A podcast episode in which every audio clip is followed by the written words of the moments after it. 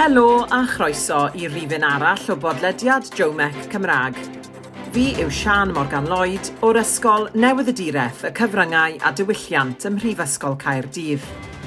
A dyma gyfres gan fyfyrwyr a thîm dysgu Jomec sy'n edrych ar bob agwedd o newydd y direth a chyfathrebu yng Nghymru. Ym mhob podlediad, fe fydd myfyrwyr yn sgwrsio gyda rhywun sy'n gweithio yn y maes, o gyngor gyrfa i holi barn am bynciau llosg y dydd. Yn y benod hon, Elen Hall sy'n astudio Cymraeg a Newyddydureth, sy'n holi'r dirwraig a chyflwynydd chwaraeon Catrin Heledd. Ar ôl gwneud cwrs ôl-radd darlledu yn Jomec, ath Catrin i weithio gyda BBC Cymru. Erbyn hyn, mae ganddi bron i 20 mlynedd o brofiad yn gohebu ar y radio a theledu gan gynnwys rhaglen Scrum 5. Ac heddi, ein troni yw e i ofyn y cwestiynau iddi hi. I ddechrau de, os fydde ti'n fodlon rhoi blas i fi o dy gefndir, a swt ti wedi cyrraedd ble wyt ti heddi? Wel, mae'n hyfryd siarad gyda ti Elen i ddechrau. Fi'n rili really gwerthorogi'r cyfle. Mae hwn yn nod iawn i fi, achos fel arfer, fi sy'n gofyn y cwestiynau a pam mae rhywun arall yn gofyn y cwestiynau i fi, fi'n sylweddoli pa mor angysurus mae'n neud i rhywun dimlo, ond ie, um, yeah, felly ti wedi turn the tables uh, fel petai. Ie. Yeah. Um, yeah. Yn enw i um, yw Catrin a, a fi'n gweithio'r adra chwaraeon ac um, di bod yn gwneud hynny i'r BBC ers rhyw o, saith mlynedd erbyn hyn, um, mae di hedfan hibo, ac um, di wir mwynhau'r holl gyfleon sy'n dod o fod yn hebydd chwaraeon, ti'n cael teithio'r byd, ond um, nes i ddechrau drwy um, fod yn fyfyrwraig yn Aberystwyth, yn astudio Cymraeg a gwleidyddiaeth rhyngwladol, um, well, go faint o wleidyddiaeth rhyngwladol o'n i'n astudio chwaith, um, ond um, fi'n meddwl mae astudio tyfarnder dri, o'n i fel pob myfyrwraig uh, gwerthu halen yn Aberystwyth. Ond, um, ag uh, o fyna, is i mlaen wedyn ni i golyg newyddiadurol Cyrdydd, lle ges i amser ffantastig. Um, amser heriol, fydden ni'n mynd fydden ni'n um, dweud hynny achos o'n i'n cymysgu gyda lot o bobl, o'n i ddim wedi cymysgu gyda nhw o'r blaen, pobl falle yn fwy cystadleuol, o'n i'n gyfarwydd iawn ar byd Cymreig gyda Aberystwyth ac wrth y modd, ac yn sydyn iawn o'n i'n cwrdd â bobl o ysgolion bonedd um, Lloegr oedd yn meddwl eitha tipyn o hyd yn rhai ohonyn nhw, ond rhai ohonyn nhw ag achos da i wneud yni. Um, ond um, mae'n beth da yn diwe bod rhywun yn neidio allan o'i comfort zone ac yn cwrdd â gwahanol bobl ac yn cymysgu gyda nhw. Ac um, o'n i'n ddigon lwcus um, tra bod fi yn Gyrdydd yn neud yr um, diploma mewn newyddiaduraeth darlledu um, bod fi wedi cael ysgoloriaeth gan y BBC ac o ganlyniad um, profiad gwaith gyda'r BBC. Ac um, mae hynny'n agor drysau pan mae rhywun yn, yn cael chydig o brofiad gwaith ac yn dod i nabod pobl. Ac um, ges i'n hyflogi gyda Radio Cymru, o'n i wrth y modd yna, crew gwych o bobl, gweithio'n galed, bob awr o'r dydd, um, sy'n anodd iawn i rhywun sy'n newid o allan o coleg weithiau. Ac um, digon o brofiad yn ystafell newyddion, nes i mlaen i weithio i ffeil, yr rhaglen newyddion i blant, y phobl ifanc, mwynhau mas draw fyna. A wedyn, ie, yeah, rhyw saith mlynedd yn ôl, mynd i'r adrych chwaraeon, a ddim di edrych nôl a dweud y gwir, di mwynhau bob un profiad sydd wedi dod yn fforddi. ac, um, a, a di cael cwrdd â lot o bobl ddifur yn ystod y cyfnod yna, ac um, ie, dwi ddim yn teimlo fel gwaith, a fi'n meddwl pan mae rhywun yn ffindo hynna mewn sefyllfa lle dwi nhw ddim yn teimlo fel bod nhw'n mynd i'r gwaith bob dydd, um, maen nhw'n eitha lwcus fydden ni'n dadle. Ie, yeah, yn sicr. Um, o beth yn benodol de, benodol de nath dy ysbrydoli di? Pam newydd y direth o pob peth arall? Ie, yeah, to be, achos fydden ni'n dadle falle um, bod fi'n un o'r bobl yma sydd ddim yn gro'n galed iawn, a fi'n meddwl i ti lwyddo yn y byd newydd ediraeth, bod angen i ti fod yn eitha croen caled, fi'n dechrau datblygu, fi'n dechrau cael yr, um, y sgil yna, os lici di, ond um, mae'n ma, ma, bendant yn sgil sy'n sian y maes yna, ti'n goffi cael lot o bobl yn rhoi ffôl awr yna, ti, lot o bobl yn gweud na, lot o bobl falle um, ddim yn cytuno gyda'r hyn ti'n gwneud, neu gyda'r sefydliad ti'n gweithio iddo fe. Um, ond, ond i wastad yn awyddus. Um, fi'n cofio pam o'n i ryw ddeg mlynedd oed, falle o'n i'n iau, mynd i steddfod um, uh, bilff So pa flwyddyn bydde ni wedi bod? Dylen ni fod ni'n y bobl na sy'n gwybod pa steddfod oedd ym le yma flwyddyn, ond steddfod bilff. Um, ac um, oedd na gyfle um, fyna i fynd mewn i um, stondin y BBC ac i recordio dy hunan yn darllen bwletin y newyddion. Ar o'n i wrth y modd, o'n i wrth y modd, a fi'n meddwl yn y diwedd bod fi wedi mynd nôl i'r stondin gymaint o weithiau yn ystod yr wythnos bod nhw wedi gweithio fi bod fi ddim yn cael mynd nôl rhagor. Dim achos bod nhw ddim yn croesawu pobl yn dod mewn, ond o'n i'n wir, o'n i'n mynd fwy nag unwaith y dydd, jyst er mwyn darllen bwletinau. Felly fi'n meddwl mai dyna lle ges i'r dileit, ac o'n i wastad eisiau gwneud hynny, eisiau darlledu. Ac um, dim eisiau bod o flaen camera, mae hwnna'n swnio'n anghywir, a, a dim o reidrwydd eisiau bod o flaen meic, ond o'n i'n mwynhau hwnna falle, um, yr elfen yna.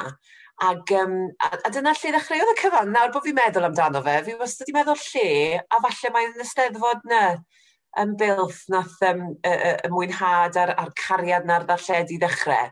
Ond mae dad wastad yn gweud pan o'n i yn, yn eitha ifanc ac yn ddigon hen i aros lan tan hanner awr di deg neu hanner awr un ar ddeg ar nos adwn, o'n i wastad yn gwylio match of the day gyda fe. O'n i yna gyda dwfei, um, efo paned o de, a sort of fod yn byta rhywbeth nabod fi, ac um, fydde fe fyna falle gyda glas o wyn coch, a bydden ni'n doi yn watch a match of the day gyda'n gilydd, a nes i weithio fe, oh, bydden ni wrth y modd yn bod fel Des Line am ryw ddydd sy lot cyn amser di, ond oedd yn ei job yn Gary Lineker cyn, um, cyn iddo fe wneud e. Felly, um, ie, falle mae dyna o le ddath y cariad ar brwdfrydedd, ac um, yn amlwg mae rhywun, dyn nhw byth yn llwy, gwybod os maen nhw'n mynd i lwyddo i gyrraedd ble maen nhw eisiau gwneud, ond um, dyfel barhau i fe, bach o waith caled, gweithio y shifftiau cynnar oedd neb arall eisiau gwneud, falle, a a mae rhywun yn, um, mae rhywun yn cyrraedd be maen nhw moyn wneud. So, falch iawn bod fi, bod fi wedi gallu gwneud. Fi'n siŵr iawn be arall fydden ni wedi wneud, a bod yn onest. Dy'r broblem i fe, mae rhywun ddim yn cweith yn gwybod os na fydden nhw wedi gwneud be nhw eisiau gwneud, be arall fydden nhw wedi gallu gwneud, a fi ddim yn meddwl bydden ni wedi gwneud athrawes dda. Fi ddim yn meddwl bydden ni wedi gwneud cyfieithydd da, felly ie, yeah, fi'n falch bod yr... Um, bod, bod wedi gweithio mas fel petai. Ie, yeah, a gyda Cymraeg, achos fi'n ei Cymraeg newydd y direth, mae e mor agored lle di fynd i unrhyw faes mm. moyn. Ti'n so, iawn. Ie. Yeah. Um, o ti'n gweud fy nawr bod ti'n watcho Match the Day gyda dy dad. Um, efe hwnna nath ysbrydoli ti o symud o'r newyddion i y chwaraeon i hunan, darlledu'n chwaraeon? Wastad di bod y diddordeb mewn chwaraeon. Um, o'n i'n chwarae eitha lot o bil rwyd pam o'n i'n rysgol. Um, dim o safon, ond o'n i yn chwarae pel rwyd, ac o'n i'n aelod o'r tîm hoci, o'n siŵr o fod yr aelod gwana o'r tîm hoci oedd i gael. Um, chwarae bach o dennis, um, ond o'n i yn mwynhau gwylio um, pel drod a rygbi. O'n i'n gwylio Cymru yn chwarae pel drod yn ystod y dyddiau tywyll, anodd, caled. Bydde ti ddim yn cofio, ni'n cael ein sbwylo nawr, ond pam oedd dim dim gêm gyfartal yn erbyn Twrci a Parc Ninian yn wag neu'n hanner gwag, rhyw 5,000 o bobl yn troi lan. O'n i yna yn y glaw yn, yn gwylio gemau sal a dweud y lleia. Um, gwylio bach o rygbi, um, cofio mynd i weld gêm Cwpan y Byd yn 99. Felly, a o'n i'n gwylio Pont y Pryd cyn bod y rhanbarthau. O'n i'n mynd i wylio Pont y Pryd erbyn awd di sadwn pam o'n i'n rhyw bedair ar ddeg oed. Felly, oedd na wastad rhyw gariad wedi bod ato fe. Ond yn amlwg, twod, mae yna rhyw dimlad wedi bod yn y blynydde a fi bod yn lle i ddynon yn y bôn a bod na ddim lle go iawn i ferched darlledu o fewn yr adran chwaraeon um, neu o fewn y byd chwaraeon dylen ni dweud. Mae hynny'n bendant wedi newid nawr ac um, o ganlyniad i waith caled pobl fel Larry Sean, Dot Davis, pobl fel Sara Elgan, Delith Morgan hefyd falle, fi'n mynd o blynydde nawr, um, oedd yn cael ei gweld ar sgrin Felly, um, uh, twod, oedd y gwaith caled o ran cael menwod ar y sgrin wedi digwydd erbyn i fi gymryd y naid, a falle bod fi'n eitha diog yn cymryd y naid ar ôl i bobl wneud y waith gwaith caled o mlaen i. Ond um, fi'n meddwl hefyd hyder, fi'n meddwl, achos bod fi'n teimlo bod e'n lle i ddynnon, a, a fi oedd yn teimlo hynny er falle nad oedd e cweit mor wir erbyn hynny, Ac um, bod, bod dim yr hyder yna gyda fi ynddo fi'n hun i wneud y naid, ond fi'n meddwl erbyn i fi gyrraedd yn 30au, oedd um, mae rhywun yn ffindo hynna chydig bach yn fwy, chydig bach, bach yn fwy o hyder i ni gwaith ac yn y profiadau maen nhw wedi casglu dros y blynydde. Ac o'n i'n teimlo bod fi'n barod am her newydd ac yn barod i drio gwneud be o'n i wastad wedi eisiau. Mm -hmm. Fi'n cofio gweld yr um, hysbyseb am y swydd, a sôn wrth dau berson gwahanol, o fi'n meddwl mynd am y swydd yma. A nath un person weid, beth wyt ti'n neud? Beth wyt ti'n neud? Pan bydde ti'n gymwys ar gyfer y swydd na? A un arall yn dweithio fi, ffrind da iawn, yn dweud, och, bydde ti'n berffaith, mae'r haid ti fynd amdano fe. A wedes i, o, fi'n siŵr, fi'n siŵr. A chwarae teg i fi, hi nath wthio fi. Ac um, oedd hi'n iawn i wneud, felly fi ddiolchgar iawn i fi am wneud. Ie, yeah, a fel o ti'n gweud, mae'n braf gweld erbyn hyn bod merched yn cael lle yr, yr un fath o fel bydde dynion mewn awdurdiraeth, achos, chymod, yn aml iawn mae menywod yn cael ei israddio yn y byd hyn. So, ie, yeah, mae'n braf gweld a ti'n neud yn wych yn dy waith, rhaid gweud. O, oh, wel, um, fi ddeud, digon o gael gawgyferiadau, pa ti'n ffoeni, ond, ond fel ti'n gweud, mae'n e mor neis cael gymaint o ferched ar y sgrin. Bod, yn, yn amlwg, mae'n bwysau ar wahanol sefydliadau, i ddangos cymdeithas ac i ddangos bod chwaraeon yn rhywbeth i bawb, bob oed, bob rhyw, bob hil. Tywed, felly ni yn gweld trawstoriad o bobl ar sgrin nawr, a fi'n meddwl bod hwnna'n eitha pwysig.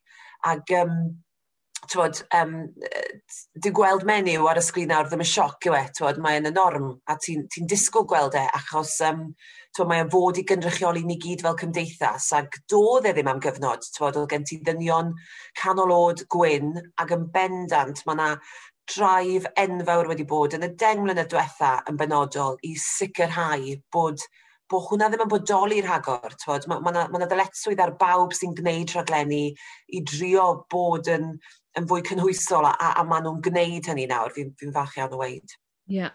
Wel, yn dy yrfa, ti wedi gweithio gyda BBC a Sbydorec, a mae disgwyl wedyn bod ti'n gallu gohebu yn y Gymraeg a'r Saesneg. Wyt ti'n gweld hynny'n her neu'n fantes? Fy be, um, o'n i wastad, pan ddechreuais i mas, o'n i wastad yn gweud taw yn Gymraeg yn unig fydden ni'n gallu darlledu, achos mae'n iaith gyntaf i fi, ac um, yn y Gymraeg fi'n teimlo fwy o cyfforddus. Twyd, yn y Gymraeg, ti'n meddwl, wel, fi meddwl, o'n i'n fe... Wel, na, dal i wneud, ond o'n i'n meddwl fwy at ar yn rhad, twod, pan mae rhaid ti just siarad, a, yn y Gymraeg o'n i'n teimlo fwy o cyfforddus. A fi'n cofio rhywun yn gweud wrthau bod rhaid fi'n wneud rhywbeth yn Saesneg, a o'n i'n meddwl, oh, na. Na, dyw hwnna ddim yn mynd i weithio. Ond mae eisiau gwthio dy hunan yn dysau, e? mae eisiau ti roi dy hunan tu allan i'r i'r lle cyfforddus yna, ag, um, ag nes i, ag um, fi'n falch bod fi wedi gwneud. Um, twod, erbyn hyn, wi yn darlledu'n y ddwy iaith, Um, fi dal i ddadle bod y Gymraeg yn dod ychydig yn fwy naturiol ac yn haws i fi. Um, mae ngŵr i'n siarad Saesneg, felly fi'n fi falch mewn ffordd bod gyda fi rhywun i ymarfer yn Saesneg i gyda fe, achos Cymraeg fi'n siarad gyda mam, dad, teulu gyd. Felly mae'n dda bod y fi rhywun yn y tŷ fi'n gallu ymarfer a cael yng nghywiro ganddo fe yn Saesneg. Um, fi'n meddwl, twyd, ni, ni gyd yn hapusach yn dyn ni mewn un iaith, ac mae'r ffaith bod gyda ni ddwy iaith just mor fanteisiol. Mae e'n agor drysau ni. Um, pan fi weithiau mynd nôl yn hyn ysgol i ysgol Llanhari, um, maen nhw'n gofyn i fi weithiau i siarad am Gymreigdod. A fi just yn trio dweithio nhw, dychwch, mae cael dwy iaith yn mor, mor, chi mor lwcus, achos os oes yna rhywun sydd eisiau gwneud yr un swydd a chi efo un iaith, wel, yn anochel, chi'n mynd i fod am antes, achos allwch chi fod yn darlledu mewn dwy iaith pan eich chi ben arall y byd. Um, Felly, erbyn hyn, fi yn falch iawn bod fi'n gallu gwneud mewn dwy iaith. Para cafi rong, fi'n ei camgymeriadau yn y ddwy iaith, ond mae'n dechrau dod yn fwy naturiol i fi nawr y syniad mewn ddarlledu'n Saesneg. Fi'n gwybod beth sy'n angen i fi wneud er mwyn gallu gwneud y Saesneg, um, pa, pa, beth sy'n helpu fi cyn, darlledu, cyn bod fi'n darlledu.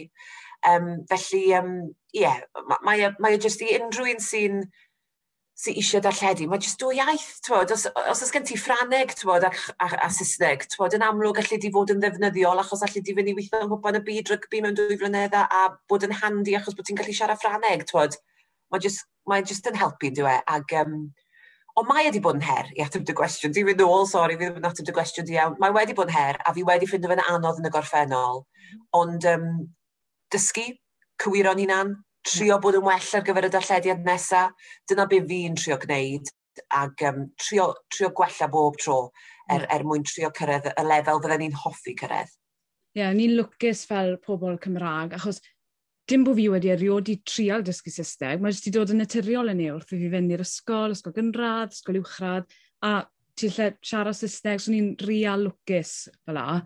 Um, fel o ti'n dweud, ti wedi gweithio tu flaen i'r sgrin a tu ôl i'r sgrin ar y radio. Fi'n cofio um, gryndo ar uh, rhaglen radio Cat a Cats. Oh. Bob tro ni'n mynd draw, clasic, bob tro ddyn nhw, ni'n stef yn oh, What a tig! Oedd i'n gofyn gofyn i ni neu, bob wythnos pwy oedd yn gwrando, ti o dden, mae rhaid. um, Petai ti'n goffod dewis dy ffefryn rhwng y ddau, be fydde ti'n lygo mwyaf? Beth yw hynny'n cymwy arall? O, to be, mae fel gofyn i ti ddewis rhwng dau o blant, na i fod yn onest efo ti. Um, mae yna rinweddau, mae yna gryfderau i'r ddau gyfrwng. Di meddwl mae radio yw'r lle perffaith i ddysgu ac dim i fi stroli dy grefft, ond twyd, allu di wneud camgymeriadau radio ac yn aml allu di gywiro dy hunan, t'wo, mae digon o amser i ti gywiro dy hunan a allu di gael lot mwy o hwyl a falle chydig bach mwy o ryddid achos dos na ddim am rhywun efo, t'wod, watch caeth yn dy, yn dy glisti. Efo teledu, t'wo, mae'n fwy regimented, mae, mae rhaid ti fod yn fwy gofalus gyda dy amseru. Ond um, mae radio, o, oh, mae gymaint o hwyl i gael efo radio, t'wod, um, a gymaint o ryddid. Ac fi meddwl mae'r darlledwyr gorau fi'n abod um, maen nhw'n darlledwyr radio. Ac y bobl yna sydd wedi dod o radio a di mynd i'r teledu, maen nhw just yn slick iawn, mm. Maen nhw'n gwybod yn iawn be maen nhw'n neud. Achos maen nhw wedi gorfod llenwi tair awr o radio, ac os allu di gwneud hynny, twod, allu di lenwi hanner awr o waith teledu, twod, lle mae yna rhywun yn helpu ti yn dy glisti ac yn dy gyfarwyddo di.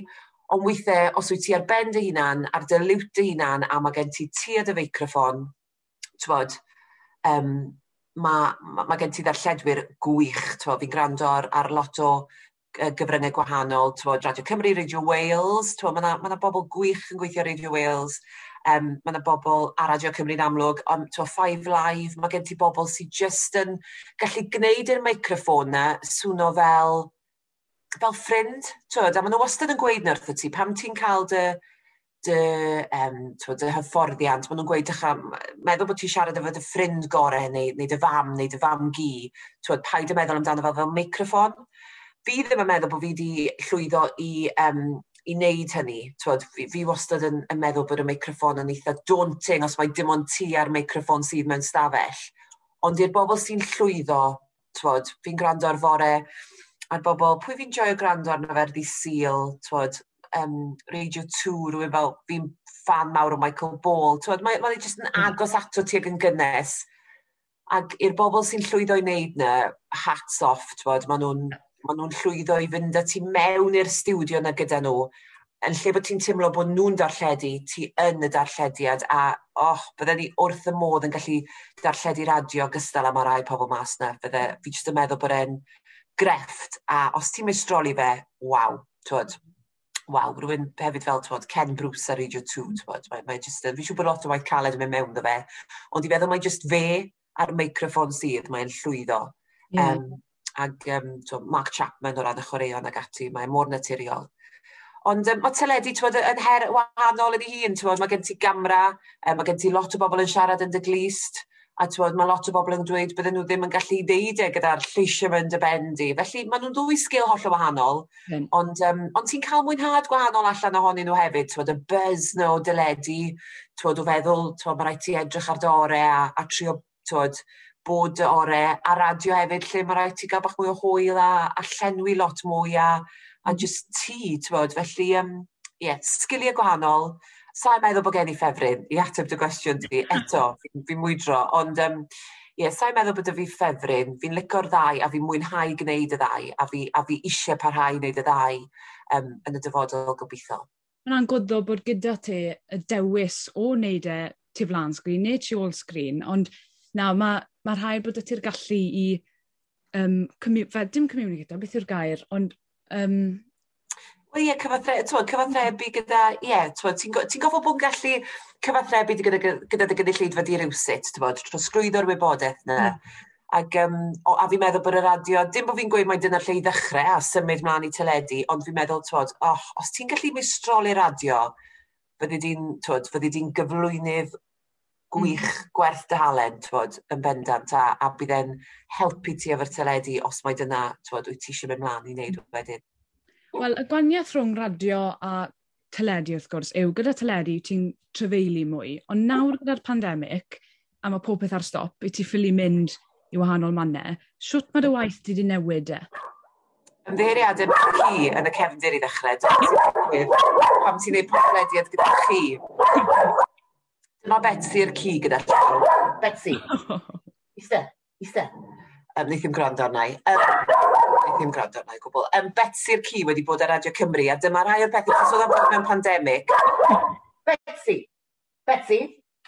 Betsy defyd yn. Betsy. Betsy. Dim nawr. Dim nawr. Na, dyl i stop o cyfarth. Neu fydd wedi mewn. Defyd, defyd, good girl.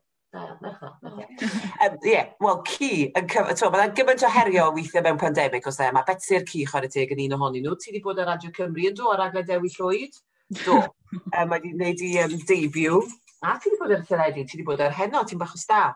Ond um, Ie, ti ddim yn teithio, fi ddim wedi teithio, a mae yna elfen o hwnna sydd wedi bod yn braf, twod, o'n i'n byw allan o'n hes i weithiau, yn ystod y tymor, bob penwthnos, ac yn, ystod, yn wedig yn ystod y chwe gwlad, twod, oedd hi'n heriol, o ti'n teithio lan i fai colwyn ar nos Wener, o ti'n teithio nôl, o ti'n gwneud gym yn gyrdydd, gym y merched ar ddi sil, a wedyn yr wythnos ganlynol, fydde ti'n mynd i'r Eidal, Ffrainc, yr Alban, A twyd, mae'n blin o rhywun a hefyd, twod, mae ni gyd yn bywydau gytrefyd, twod. Mm. Um, felly, mewn ffordd, twod, mae'r pandemig di gorfodi lot ohono ni i stopio ac i gymryd bywyd bach yn, yn, yn arafach. A twod, fi wedi gwerthfawrogi hynny, yn yn, yn wedi ystod y flwyddyn diwetha, mae hanner y symau, felly mae wedi gweithio mas yn eitha, eitha neis i fi par a cael cafu rong fi yn edrych mlaen i fynd nôl gobeithio i ambell i ddigwyddiad mawr yn y dyfodol.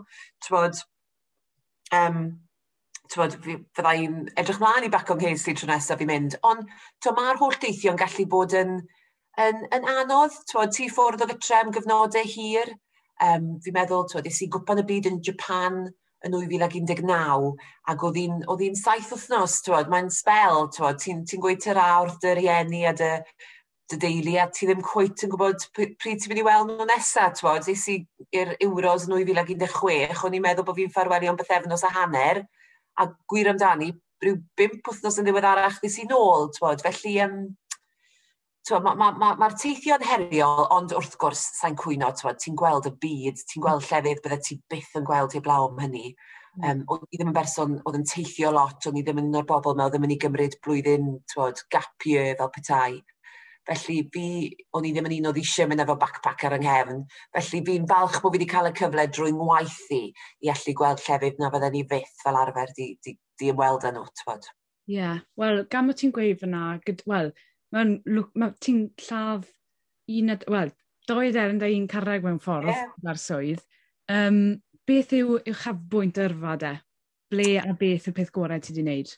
Oh, ta be, mae e'n teff, mae e'n teff i, i ateb hwnna, achos fi wedi bod yn ddigon lwcus i deithio lot o lefydd. Twyd, i rai pobl, mae gohebu ar gemau Olympedd yn binnical ac ys i fynd i Rio i wneud hwnna. Um, fi, twyd, mwynhau mas draw, ond fi'n meddwl taw'r pinnacle oedd yr Euros yn 2016, just achos, twyd, oedd e'n Ffrainc, a mae Ffrainc yn wlad fi'n gyfarwydd â hi. Twyd, ti'n gyfarwydd â a, a siw mae'r wlad yn gweithio, sydd wastad yn helpu. Mm -hmm. Dyfu bach o Ffraneg, bach o Ffraneg, dim lot o gwbl ond allai ordro baget a pom ffrit os oes eisiau. Um, ag, um, twod, oedd hi jyst yn daith oedd neb yn disgwyl byddwn ni'n mynd arni, ac fel gohebydd chwaraeon, twod, ti yn gefnogwr brwd hefyd, ti yn fan, twod, mae rai bot ti neu fydde ti'n gwneud y swydd. Felly'n sydyn, ti'n cael dy hunan yn rhan o'r daith angredadwy yma, a ti'n cael cwrdd â pobl ryfeddol, twod, o'n i'n ddigon lwcus i gael bod mewn gwesti efo Gareth Bale, twod, yn neud rhywbeth o'n i'n meddwl byddwn ni eriod yn cael gwneud, twod. Um, Chris Coleman, sy'n just yn gymeriad mor ddiddorol, sy'n siarad mor dda, allan ni eistedd yn am orien gwrando fe'n siarad a twod, i gael bod yn y gêm na lle giro ni Gwlad Belg, twod, a o'n i reit ar y mel y ca, o'n i'n cael set fach ar bwys yn un, ar ben yn unan, ar, ar, ar um, well, just wrth ymlaen y car, bwys y tîm, twod, ddim yn bell o'r tîm. Felly, oedd fi neb i ddathlu gyda, so pan oedd y goliau mae i gyd yn mynd mewn, o'n i'n, twod, yeah, twod, o'n i ddim yn gallu gafel mewn rhywun wrth yn ochr i. Ond, um, twod, o'n i yn eitha ymwybodol o'r ffaith bod fi mewn sefyllfa eitha, um, eitha lwcus. A wedyn, twod, gêm yn erbyn Portugal, twod, oedd hi jyst yn daith angredadwy a wedyn o'n i'n ddigon lwcus hefyd i gael yr alwad ffôn i ddweud eich am rhaid ti ddod nôl yn syth o baris, ti ddim yn mynd nôl am noson i dinar lle oedd tîm Cymru wedi i lleoli um, achos maen nhw'n mynd i wneud um, bod, taith drwy'r ddinas i, um, i, i longyferch nhw a ti'n mynd i fod ar y bws gyda'r chwaraewyr yn mynd trwy'r dre a doi ohono ni, fi a un gohebydd arall, Rob. Ac, um, twod, oedd hwnna, o'n i'n jyst yn goffo pinsio ni an, achos o'n i'n, twod, yn amlwg i moment nhw e, o dde, ac oedd ti'n trio sicrhau bod ti ddim yn rhan, twod, o'r model o'r foment, ond, twod, ti ar y bws enfawr yma yn cael gwerthfawrogi be maen nhw'n gwerthfawrogi, ti'n bod? Oedd nhw'n edrych yn shell-shocked bod yna filoedd o bobl ar hyd strydoedd Cyrdydd, ac oedd hi'n teimlo fel bod fi'n star, ti'n bod? Oedd hi fel, oh my gosh, mae hwn yn amazing. Ond yn amlwg, ti'n bod, oedd hi'n goffo ond o'n i'n pinch o'n i'n an, yeah. iddyn nhw, ti'n bod, bod y cyfan di digwydd. Felly, fi'n meddwl jyst yr holl beth am yr Euros. Oedd hi'n stori dylwyth teg, oedd Cymru erioed i bod na'r blaen, wnaethon ni wneud gystal yn y gystadleuaeth, oedd y crew o ti gweithio gyda yn hyfryd, oedd y chwaraewyr y garfan mor hyfryd, a wedyn cael bod yn rhan o'r dathliadau yn ôl yn y stadiwm ar um, fel yr er homecoming mawr, oedd e, e just yn, oedd yr holl beth just yn um, haf hyfryd, mae rhaid i ddweud. Ie, yeah, mae fe'n neud y hyd yn o'r gwell na gwan, so mae'r tîm i ti'n cyfnogi yn ennill. As in, some, sy'n teimlo'r rhywun peth. Ie. Yeah. A mae'n neud jobyn ni'n haws yn dweud, twod, sneb eisiau mm. mynd lan at Chris Coleman a gweud, o, oh, chi wedi colli o, twod, o chwech i ddim yn erbyn, twod, Lloeg, oce, okay, fi'n gwybod iddyn nhw'n ennill yn erbyn Lloegr, ond twod, mae'n gwneud job jobyn ni gymaint haws pan yeah. mae'r tîm, ti yna i ddilyn yn ennill, achos, mm. twod, mae pobl eisiau siarad efo ti, yr eiliad mae pobl yn colli, sneb eisiau siarad efo ti, twod. Ie, yeah. Wyt ti... A ti eisiau gofyn y cwestiynau caled, ti'n bod? Dyna beth ti'n gofyn. Ie. Cool. Wel, i orffen sgwrs hynod o ddiddorol ac yn sicr defnyddiol i fi a i nifer o bobl eraill fydd yn gryndo ar y podlediad hyn. Gobeithio. I orffen, os unrhyw tips y ti i unrhyw un sy'n mentro i'r byd newyddiadurol? Ta be, ma dy fi cwpl o tips. Ac um, lle fe dechrau fe. Ond um, o'n i sôn gynnau fod yn gro'n galed, a fi'n meddwl, to be, mae ma eisiau magu cro'n galed, achos mae ma pobl yn gallu gweud pethau, tywod, um, mae pobl yn gallu, tywod, in, in the heat of the moment, fel petai, tywod, pan mae pobl yn trio dan bwysau, yn trio cael darllediadau mas, tywod, mm. -hmm. a mhm. mae eisiau ti fod â chro'n galed um, pam ti'n gweld y pobl, um, felly byddwn ni'n bendant yn gweud bod eisiau twod, datblygu cro'n galed. Twod, fi dal yn gweithio ar yna, a fi'n meddwl bod e'n rhywbeth fyddai'n gweithio arno fe tan fyddai'n rhoi'r ffidil yn y to, neu bydd rhywun yn rhoi'r ffidil yn y to drostau. Um, felly, um, twod, fi dal yn gweithio arno fe, a fi'n atgoffa ni'n am bob dydd. Ond um, y, y peth arall fyddai'n ni'n gweud yw, um, a mae hwn yn gyngor y dweud y gwir, nath rhywun yn y coleg newydd y direct sy'n gweithio nawr dweud wrthau, Twyd, knowledge is key, wedodd e. Mae gwybodaeth yn holl bwysig mae'r rhai o'r bobl fi'n gweithio gyda nhw, maen nhw fel encyclopedias, maen nhw'n gwybod gymaint o stwff. A dydw i ddim yn gwybod gymaint a nhw, twod, ond dwi'n dysgu bob dydd. Yeah. Er bod fi'n mynd yn hun, fi dal yn gobeithio bod elfen o sponge yn ddau, twod, bod fi'n pigo pethau lan, bod fi'n cael mwy o wybodaeth. Felly trio bod fel sponge, darllen cymaint â chi'n gallu, gwrando ar gymaint o bethau chi'n gallu, gwahanol bobl, gwahanol o'r safoedd radio, gwrando ar gwahanol styles, Ac um, trio cael cymaint o wybodaeth a chi'n gallu, achos chi byth yn gwybod pryd fyddwch chi angen e. Ar yr awyr yn gorfod llenwi awr o ddarllediad, a dim byd i wneud, ond chi a'ch bren, a'ch ymenydd, a'ch meddwl. Felly, trio bod fel sponge ac am sugno gymaint o fanylion o wybodaeth ac allwch chi mm -hmm. um, bob dydd, bob dydd, darllen y papurau newydd, darllen y gwefannau, um, trio gwybod pethau. Ac yn ola, um, just i beidio dweud na wrth y cyfleon sy'n dod. Pan o'n i'n dechrau mas, um, o'n i'n torri mol eisiau darlledu, o'n i'n gwybod bod fi yn, ond o'n i ddim yn mynd i ddechrau ar y top, o'n i'n gwybod bod rhaid i ddechrau fel ymchwilydd. Ac, yn, ac yn bendant, achos dyna lle mae rhywun yn cael sgiliau, ac mae ma pobl yn magu sgiliau pwysig iawn fyna, ac yn meithrin sgiliau holl bwysig. Ond pam mae yna gyfle yn dod, pam mae pawb arall yn gweud na i rhywbeth, weithiau mae eisiau gweud ie. Mm -hmm. O'n i, er enghraifft, ges i'n ngofyn i um, hôl Vox Pops, um, sef pan mae rhywun yn cyfweld â rhywun ar y stryd ac yn gofyn i barn nhw. Um, Catrin, neud i weithio di sil cyntaf steddfod, na ren. O'n i'n eitha ifanc ar y pryd. Sneb eisiau gweithio di sil cyntaf steddfod. Sneb. Mae'n fe steddfod gyrdydd o ddi. Ond wedes i, na i neud e. Ond wedes i, fi'n fodlon a na i dorri'r Vox Pops, alla i drio neu pecyn radio i chi. Ac os yw ddigon da, darlledwch e. Os nag yw ddigon da, pidwch e i ddarlledu fe. Hmm, ie, Mm, yeah, fine, oce, okay, ie, yeah, mae hon yn cyn. Ie, Yeah, dim yn pwysi, ond o'n i jyst yn awgrymu. Ie, yeah, ac os oedd ddigon da, bydde fe'n mynd mas, os na, bydde fe ddim. Wel, o'n nhw'n licio fe, o'n i wedi rhoi lot o waith mewn fe, felly gath ei ddarlledu. Ac unwaith i un peth gael ei ddarlledu, wel, pam lai fydden ni'n gallu darlledu rhywbeth arall, felly oedd yna fwy o gof, gyfleon yn dod. O'n nhw'n gofyn i fi wneud mwy o bethau, mwy o bycynnau. Ac um, un, un peth arall, um, pam nes i, oedd newyddion teledu wedi gofyn i fi gasglu Vox Pops unwaith eto, mae'n thema fan hyn, oedd neb arall eisiau gwneud eisiau y fod. Oedd rhaid fi gasglu barn teulu yn um, um, yr Honda, ond nhw'n dod o Portugal ac oedd brown derfynol yr euros a nhw eisiau gwybod os oedd groig yn mynd i ennill neu rhywbeth. Um, oh, sa'n gwybod, yng Ngwlad Groeg, well, sa'n gofio'r stori, ond oedd na, ond eisiau fi gasglu barn y teulu yma. Ac o'n i wedi llwyddo'r diwrnod cyn i gael anaf cas iawn i'm higwr ni, a fy doctor di gweithio, ti'n methu gweithio beth bythefnos? Ti'n methu rhoi pwysau ar y gos na. O'n i methu cerdded, i fod onest. A wedodd mam o'r thai, so ti'n tynnu nôl, so ti'n neud na, achos na nhw byth ofyn i ti eto. Mm. Felly, mae rhaid i ti fynd. Es i mam, fi methu gyrru. A wedodd hi, na i ar i ti. Chwarae teg iddi, na i ar i ti. A lan a fi, mam, i'r onda, nes i wneud y gêm gyda'r bobl yma, a wedyn nath i ar i fi nôl. A, tbod, oedd hi'n iawn yn y bôn, achos tasyn ni wedi gweud na i unrhyw gyfle, bydden nhw ddim wedi gofyn eto. Felly, fi ddim yn gweud dylech chi fod yn, twod, yn glwtyn llestri ar llawr, dim dyna be fi'n gweud, a gweud i er job sydd eraill, sneb arall eisiau wneud. Ond y mwyaf newch chi weid ie, y mwyaf newn nhw ofyn i chi wneud pethau gwahanol.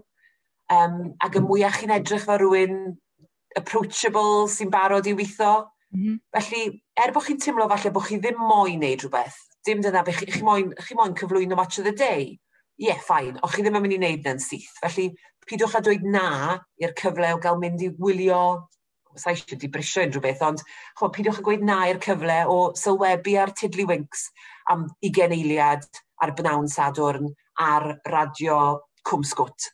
Chwa, mae y gyd yn brofiad a mae y gyd yn mynd i helpu chi i gyrraedd y nod o gyflwyno Match of the Day o fod y Gary Lineker nesaf.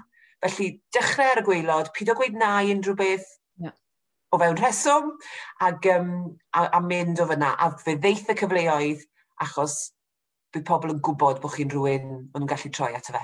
Ie, yeah, mater o cael eich enw chi mas na yw e fe. Ie, yeah. a mae rhywun rhywle mynd i weld, a mae rhywun rhywle mynd i licio chi, neu mm. ddim yn mynd i licio mm. chi, ond mae ma, ma rhywun rhywle mynd i weld ac fe fyddwch chi ar y reida fel petai. Mm -hmm. Ie, yeah, wel, diolch yn fawr am y tips na, Catrin, a diolch am gytuno i wneud y sgwrsyn gyda fi. Rwy wir yn werthfarogi fe. A diolch am rhoi o amser, really allan ni ryndo ti'n siarad trwy dydd, achos wyt ti wir yn esiampl i ddilyn, a sy'n ni byth mwy'r llyddiannus y ti, wel, fydden ni'n hapus. o, oh, mae hwnna mor neis oedd y ti weid. Mae ti'n be, mae hwnna di'r gwefar yr yngwynebu, achos fi ddim yn meddwl am un fel rhywun llwyddiannus fel na o gwbl, felly mae hwnna'n hyfryd oedd y ti weid. A ti'n be, pob lwc. Dwi e ddim yn hawdd mas na, yn enwedig nawr, ond, ti'n be, tywed, the cream rises to the top, felly fi'n siŵr neud i a dy gyfoedion di yn yr ysgol newydd y direth yna, fi'n gwybod faint o waith caled sy'n mynd mewn gan yr um, darlithwyr yna a'r, um, a'r myfyrwyr, felly, twod, dal ati ag, um, mae'n mae dipyn o daith ag um, mae'n daith gofiadwy, mae'n daith lan a lawr, ond mae lot o hwyl i gael ac um, pob lwc i ti, be bynnag ti'n dymuno wneud, pob lwc. Elen Hall yn sgwrsio gyda Catrin Heledd, Cofiwch am weddill y gyfres, ond am y tro, diolch am ryndo ar benod ddiweddaraf Pod Jomec Cymraeg.